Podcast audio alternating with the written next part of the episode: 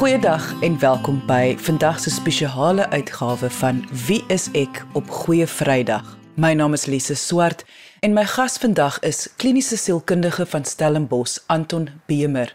En ons gaan vandag gesels oor vergifnis, om te vergewe. Ons gaan wel vandag vanuit 'n kliniese psigologiese aspek hierdie onderwerp bespreek. Indien jy enige vrae het, onthou jy kan ons kontak deur ons webwerf gaan na www.wieisek.co.za. Maar ons gaan vandag kyk na wat doen vergifnis aan 'n persoon se geestesgesondheid? Hoe laat dit jou voel? Laat dit jou beter voel? Moet jy vergewe? Is dit 'n moet? En wat kan die moontlike implikasies wees van enige keuse wat jy maak rondom hierdie onderwerp?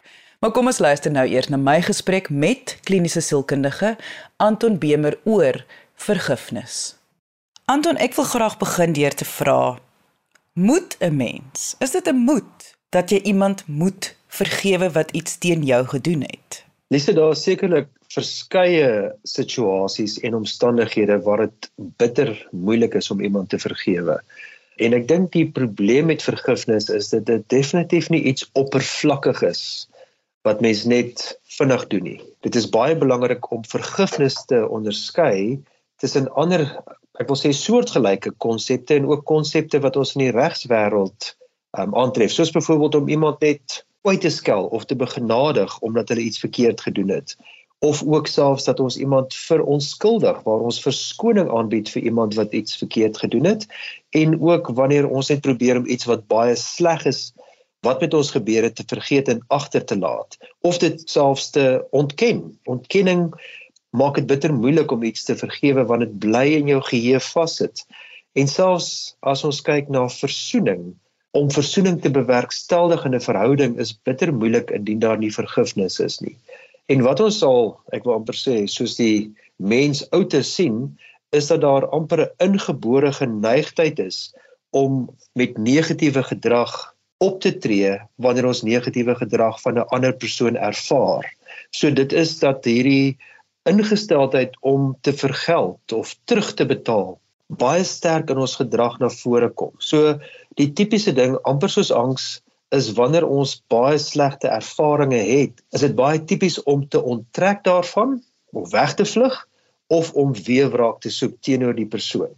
En ons sien dat selfs in die sielkunde word dit uitgewys hierdie geneigtheid om wraak te neem 'n baie belangrike menslike motivering is.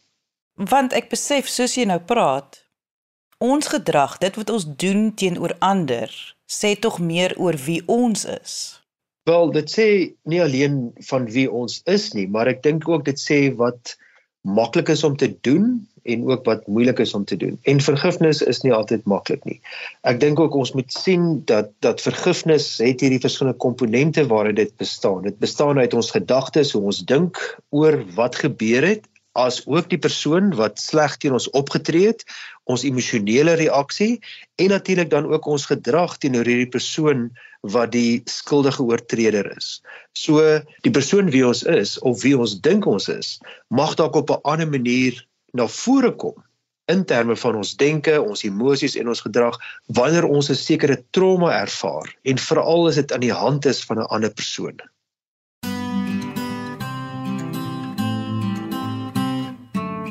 Hoekom is dit so moeilik om mense te vergewe? Natuurlik is daar omstandighede waar dit makliker is, maar ons praat tog nou vandag oor daai tye waar dit regtig dit bly by jou en dit is regtig baie moeilik. Wat maak dit so moeilik? Ek dink in aansluiting daarmee Elise, is dit ook eintlik die vraag hoekom is die konsep van vergifnis vir lank so geïgnoreer in sielkunde? Want ons vind dit in teologie, ons vind dit in godsdiens, ons uh, ons vind dit in geloofsboeke in verskillende groot gelowe in die wêreld. Ons vind dit in filosofie, die belangrikheid van vergifnis om iets wat baie sleg is agter te laat. Maar dit is eintlik iets wat slegs in die laaste 30, 40 jaar meer in die sielkunde ondersoek is. En ek dink dat een van die redes daarvoor is omdat sielkunde baie lank hulle posisie moes versterk teen die mediese professie en daar baie lank 'n mediese model is waaruit sielkunde gewerk het. Met ander woorde, ons sien 'n simptoom, ons sien 'n sekere siekte, ons sien 'n sekere trauma en die individu meestal wat dit ervaar het, moet dan hierdeur werk en moet dit agterlaat. Maar vergifnis en versoening gaan natuurlik dan oor die interpersoonlike as dit een persoon tot een persoon is of een groep tot 'n ander groep mag wees waar daar oortredings was of waar daar traumas is. En omdat hierdie emosionele wonde laat en soveel seer kry veroorsaak, is dit nie maklik om dit net te vergeet of agter te laat nie. En weer eens ons selfverdediging wat so inherent is, so amper oeroue outomatiese responses maak dat ons of onsself wil beskerm of wil onttrek daarvan. As ons voel ons is oorweldig en ons voel magteloos in 'n situasie, dan kruip ons eerder weg en dan kan ons verknog raak in hierdie baie erge seer kry wat geskied het of natuurlik dan die ander reaksie is dat ons self die swaard wil opneem en wraak wil neem dat ons wil reageer op hierdie persoon wat ons seer gemaak het of getuister het. Natuurlik moet mens ook insluit as daar molestasie plaasgevind het, as daar seksuele geweld plaasgevind het en dat daar dan 'n negatiewe reaksie is op die negatiewe reaksie. Die probleem daarmee is dat die aanvanklike oortreder kan dan hierdie negatiewe terugreaksie sien as nog meer rede om weer negatief te reageer om meer trauma toe te pas en dan raak dit hierdie negatiewe spiraal wat dan nie alleen problematies raak nie maar wat werklik buite beheer raak.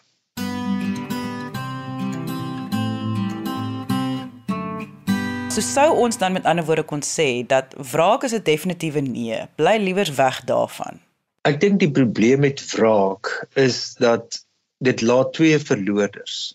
Die persoon wat aanvanklik kom ons sê maar die aggressie getoon het of die ander persoon persoon ondermyn of beledig het asook die persoon wat dan daarop reageer en in meeste gevalle ook met 'n vorm van aggressie dit mag dalk 'n baie aktiewe aggressie wees of 'n baie meer passiewe aggressiewe houding by die persoon inneem maar op die ou einde verloor beide persone nie een word regtig gesien as 'n wenner nie en ons sien dan daarom ook in samelewings was daar dan regs of kerklike strukture gevorm waar 'n derde party ingekom het om dan 'n sekere wet toe te pas om seker te maak dat hierdie negatiewe gedragspiraal buite beheer raak nie. Um, ek dink die Latyn daarvan is die lex talionis. Vra enige prokureurs of advokate daar buite om my reg te help, maar dit is basies die wet van geregtigheid wat moet geskied. Want binne 'n konteks waar twee persone soveel kwaad en trauma en vergeldingslus kry, is dit baie moeilik om hulle uitmekaar uit te hou en die idee van versoening en vergifnis is iets wat dan heeltemal buitekant hulle verwysingsraamwerk is want hulle word gedryf deur hierdie ander tipe energie wat net daarop gefokus is om hulle reg te bewys dat hulle of rede gehad het om op 'n sekere manier op te tree of rede gehad het om die ander persoon terug te kry. Jy luister na Wie is ek op RSG. Ons almal wanneer iemand iets teen ons doen, wag tot daar jammer gesê word. En tog wat ons nou vandag oor praat, vergifnis sien ek persoonlik as 'n interne, dis 'n persoonlike ding. Dit is 'n keuse wat jy moet maak. Is dit nie? Dis dit dit hang tog nie af van iemand anders se gedrag teenoor jou nie. Ehm um, nie heeltemal nie Lise. Ek dink dit in 'n ideale wêreld is jy heeltemal reg. maar ons lewe in 'n wêreld waar daar ook ongeregtighede is wat soms baie brutaal kan wees. Wat wat baie wreed kan wees. En dan is dit nie net 'n persoonlike keuse wat jy maak nie. En ek dink dit is waarom dit vir so lank in die sielkunde afgeskeep is die idee van vergifnis. Want dit gaan dan meer in terme van binnekant jouself. Ek dink as ons kyk na die navorsing dan sien ons wel dat ware oortreder wel verskoning vra en werklik jammer is vir sy of haar optrede, dan is vergifnis makliker van die ander persoon want die oortreder wys hulle menslikheid. Hulle wys daardeur ook nie alleen berou vir wat hulle gedoen het nie, maar dit is dan ook moontlik om dalk 'n gesprek met hierdie persoon te hê en te verstaan waar hierdie gedrag vandaan kom. So ek dink dit is die een deel daarvan. Ek dink die ander deel daarvan is dat mens ook moet dink aan die konteks waarin hierdie plase vind dit. As dit iemand binne jou familie is of iemand wat jy ken wat sleg teenoor jou opgetree het, kom ons sê byvoorbeeld 'n vriend wat jou baie sleg gesê het of iemand wat wat jou seer gemaak het, dan is dit in die meeste gevalle, nie altyd nie, makliker om daardie persoon te vergewe as wanneer dit 'n buitestander is. En ek dink die ander deel wat ook interessant is as ons kyk na navorsing, is die vraag watter mense vergewe makliker. En een van die lyne van navorsing is om te kyk na ouderdom. En hulle het gevind dat ouer mense baie meer geneigd is om te vergewe as volwassenes of tieners. So ouer mense mag dalk 'n meer gevorderde morele kompas hê as volwassenes of tieners, maar ook dat volwassenes 'n behoefte het dat daar eers geregtigheid moet geskied voordat hulle kan vergewe. En vir tieners is dit moeiliker want vir hulle is dit 'n amper onmiddellike emosionele reaksie wanneer iemand negatief teen hulle optree om te reageer daarteenoor. So jou eie morele kompas speel 'n baie bepalende rol wanneer jy kyk na vergifnis.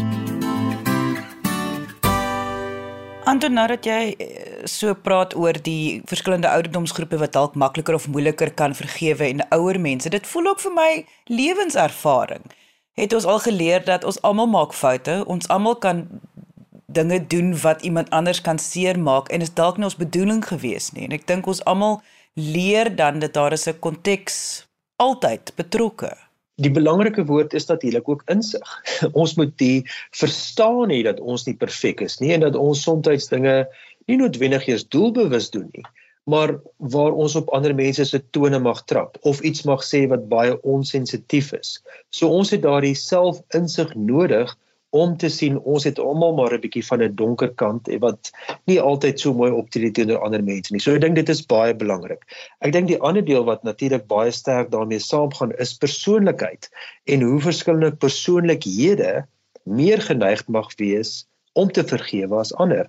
En ons sien byvoorbeeld dat mense wat meer geneig is om narcissisties op te tree, met ander woorde in eie belang op te tree, waar mense baie meer geneig is om ander uit te buit en ook baie meer geneig is om dinge te oordink en te oordink en te ooranaliseer dit moeilik vind om ander te vergewe want hulle sien soveel detail raak in wat gebeur het dat hulle nie noodwendig empaties kan optree teenoor daardie persoon nie.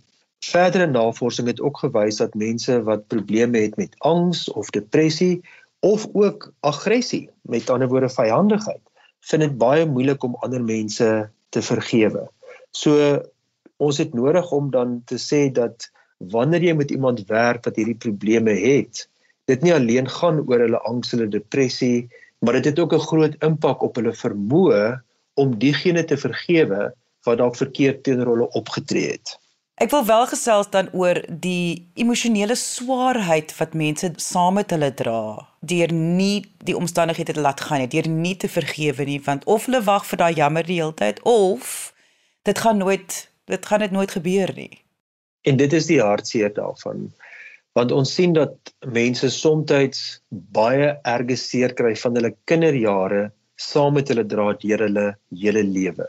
Dit mag dalk weer eens iets wees soos seksuele trauma. Dit mag dalk wees dat daar 'n ouer was wat 'n alkolikus was. Dit mag dalk konflik tussen ouers wees of baie traumatiese ervarings binne familie opset wat gemaak het dat iemand baie seer gekry het en hierdie trauma geïnternaliseer het. Wat dit dan verder problematies maak, is dat hulle dalk nooit die kans gekry het of die moed gehad het om te praat daaroor en dit word dan nog verder bemoeilik indien enige van daardie persone wat dan dan die oortreder was of dit bewuslik of onbewuslik was nooit regtig erken het dat hulle foute gemaak het of die persoon seer gemaak het nie. Dat hulle self nooit die insig gehad het dat die manier hoe hulle opgetree het regtig hierdie persoon se selfbeeld, selfvertroue of emosionele welsyn ondermyn het nie. En dalk ook soms hulle gedrag regverdig het dan is dit baie moeilik vir hierdie persoon om net nie alleen te vergewe nie, maar om ook enige vorm van versoening met daardie persoon of persone te bewerkstellig.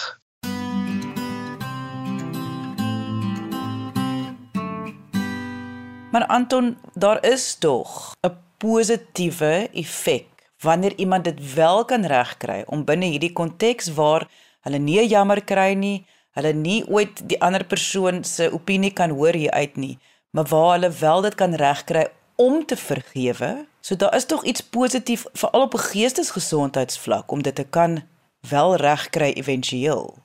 O nee, dit is dit is absoluut waar. Dit is net baie moeilik. En ek eintlik weer eens ek wil nie dat dit oorkom dat vergifnis nou 'n manier is om die dinge wat so sleg in die verlede was net so bietjie ehm um, strooi suiker oor te gooi en te maak of dit nie so erg was nie. Ons moet erkenning gee aan hoe erg hierdie dinge was.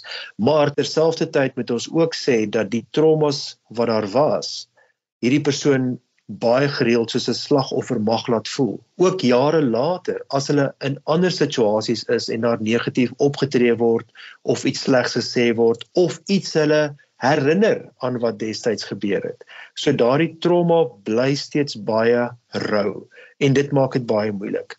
Ek dink in die tweede plek ook die die idee van vergifnis kan na 'n baie kognitiewe ding klink. Met ander woorde hoe ons dink oor wat gebeur het. Maar ons moet ook weet dat hierdie persoon dalk 'n klomp ander emosies baie sterk binne hulle self vasgehou het en toegesluit het omdat hulle hulle self moes beveilig. So hulle het hulle self dalk nooit toegelaat om kwaad te wees vir hierdie persoon wat sleg opgetree het nie of hulle het nooit daaraan gedink dat daardie angstigheid wat hulle ervaar het te doen het met wat gebeur het nie of ook selfs dat hulle depressie weet wortels het in hierdie traumas wat hulle beleef het nie.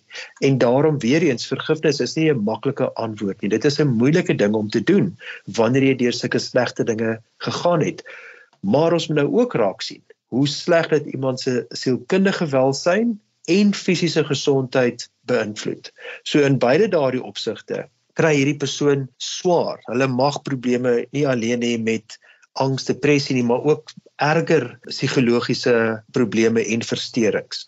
En dan sien ons ook dat dit hulle fisiese gesondheid negatief affekteer. En veral weet interessant genoeg of dalk nie interessant genoeg nie, hartsiektes, dinge wat sleg is vir jou hart. Jy lewe regtig met 'n swaar hart as gevolg wat gebeur het. Jou bloeddruk is baie keer hoër as wat dit moet wees. En ek dink wat dit baie keer ook swaarder maak is wanneer die persoon wat swaar gekry het in hierdie omstandighede dan ook 'n skuldgevoel het oor wat gebeur het.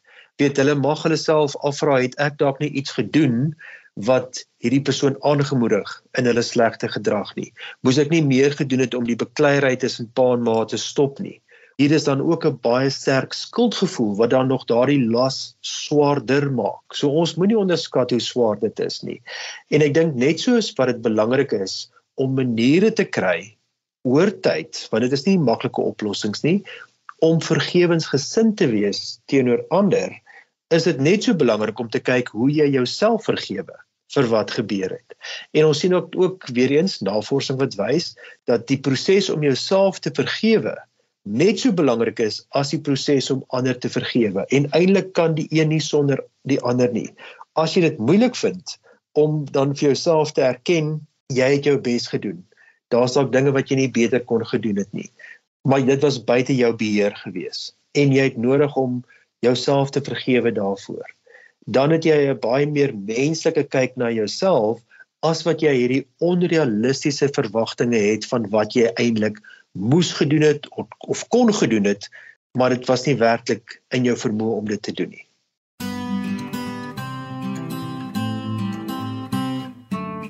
Dit voel amper vir my dit is dis my so groot oomblik nou wat jy sê dat dit voel vir my dis amper die eerste stap in die hele proses.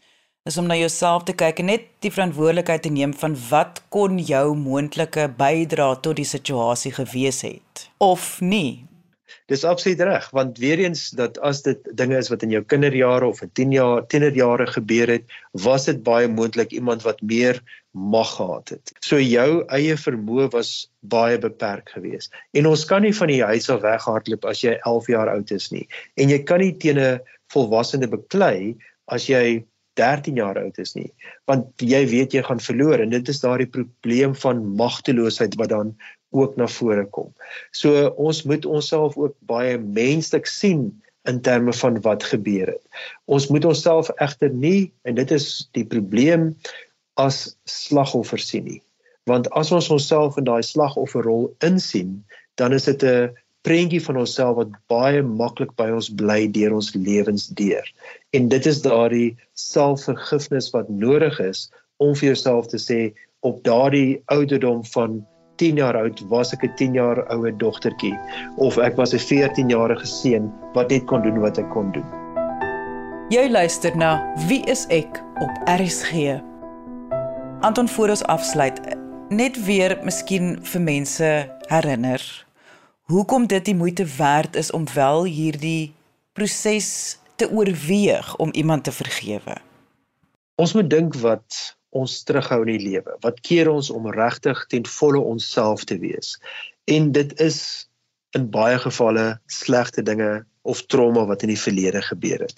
So die agterlaat daarvan is nie alleen belangrik vir ons emosionele welsyn nie, dit is geweldig belangrik vir die verhoudinge waarin ons staan met ons geliefdes rondom ons, met ons kinders, met ons vriende selfs dit het ook baie voordele vir ons fisiese gesondheid.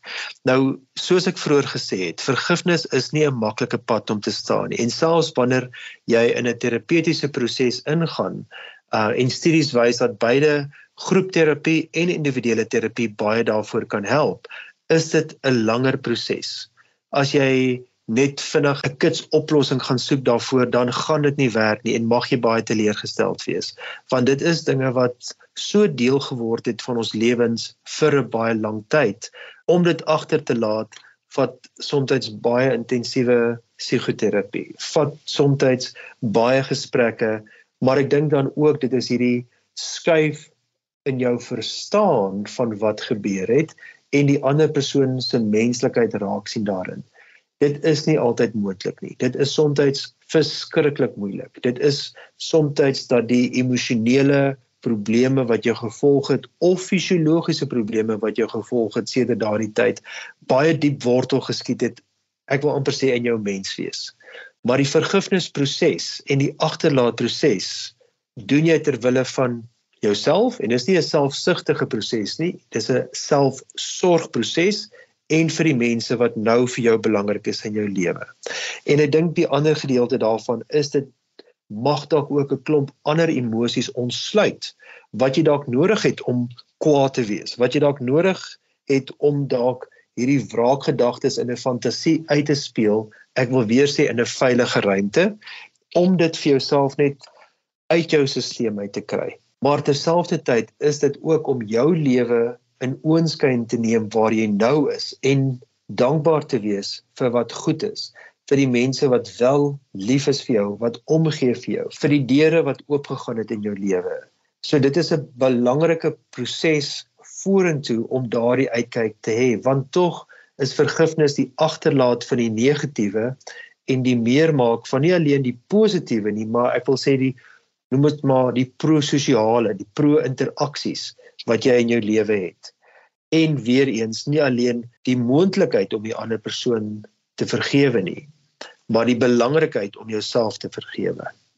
En dit was kliniese sielkundige van Stellenbosch Anton Bemer. Indien jy enige vrae het oor vandag se onderwerp, kan jy ons kontak deur ons webwerf gaan net na www.wieisek.co.za of kom gesels saam op ons Facebookblad onder wieiseksa.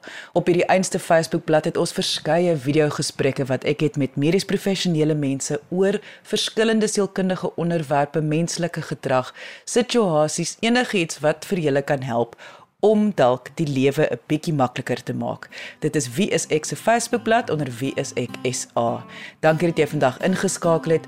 Ons maak weer so volgende Vrydag in ons gewone tyd geleef om 11:30 net hier op RSG. Jy moet 'n heerlike naweek hê en onthou, kyk mooi na jouself.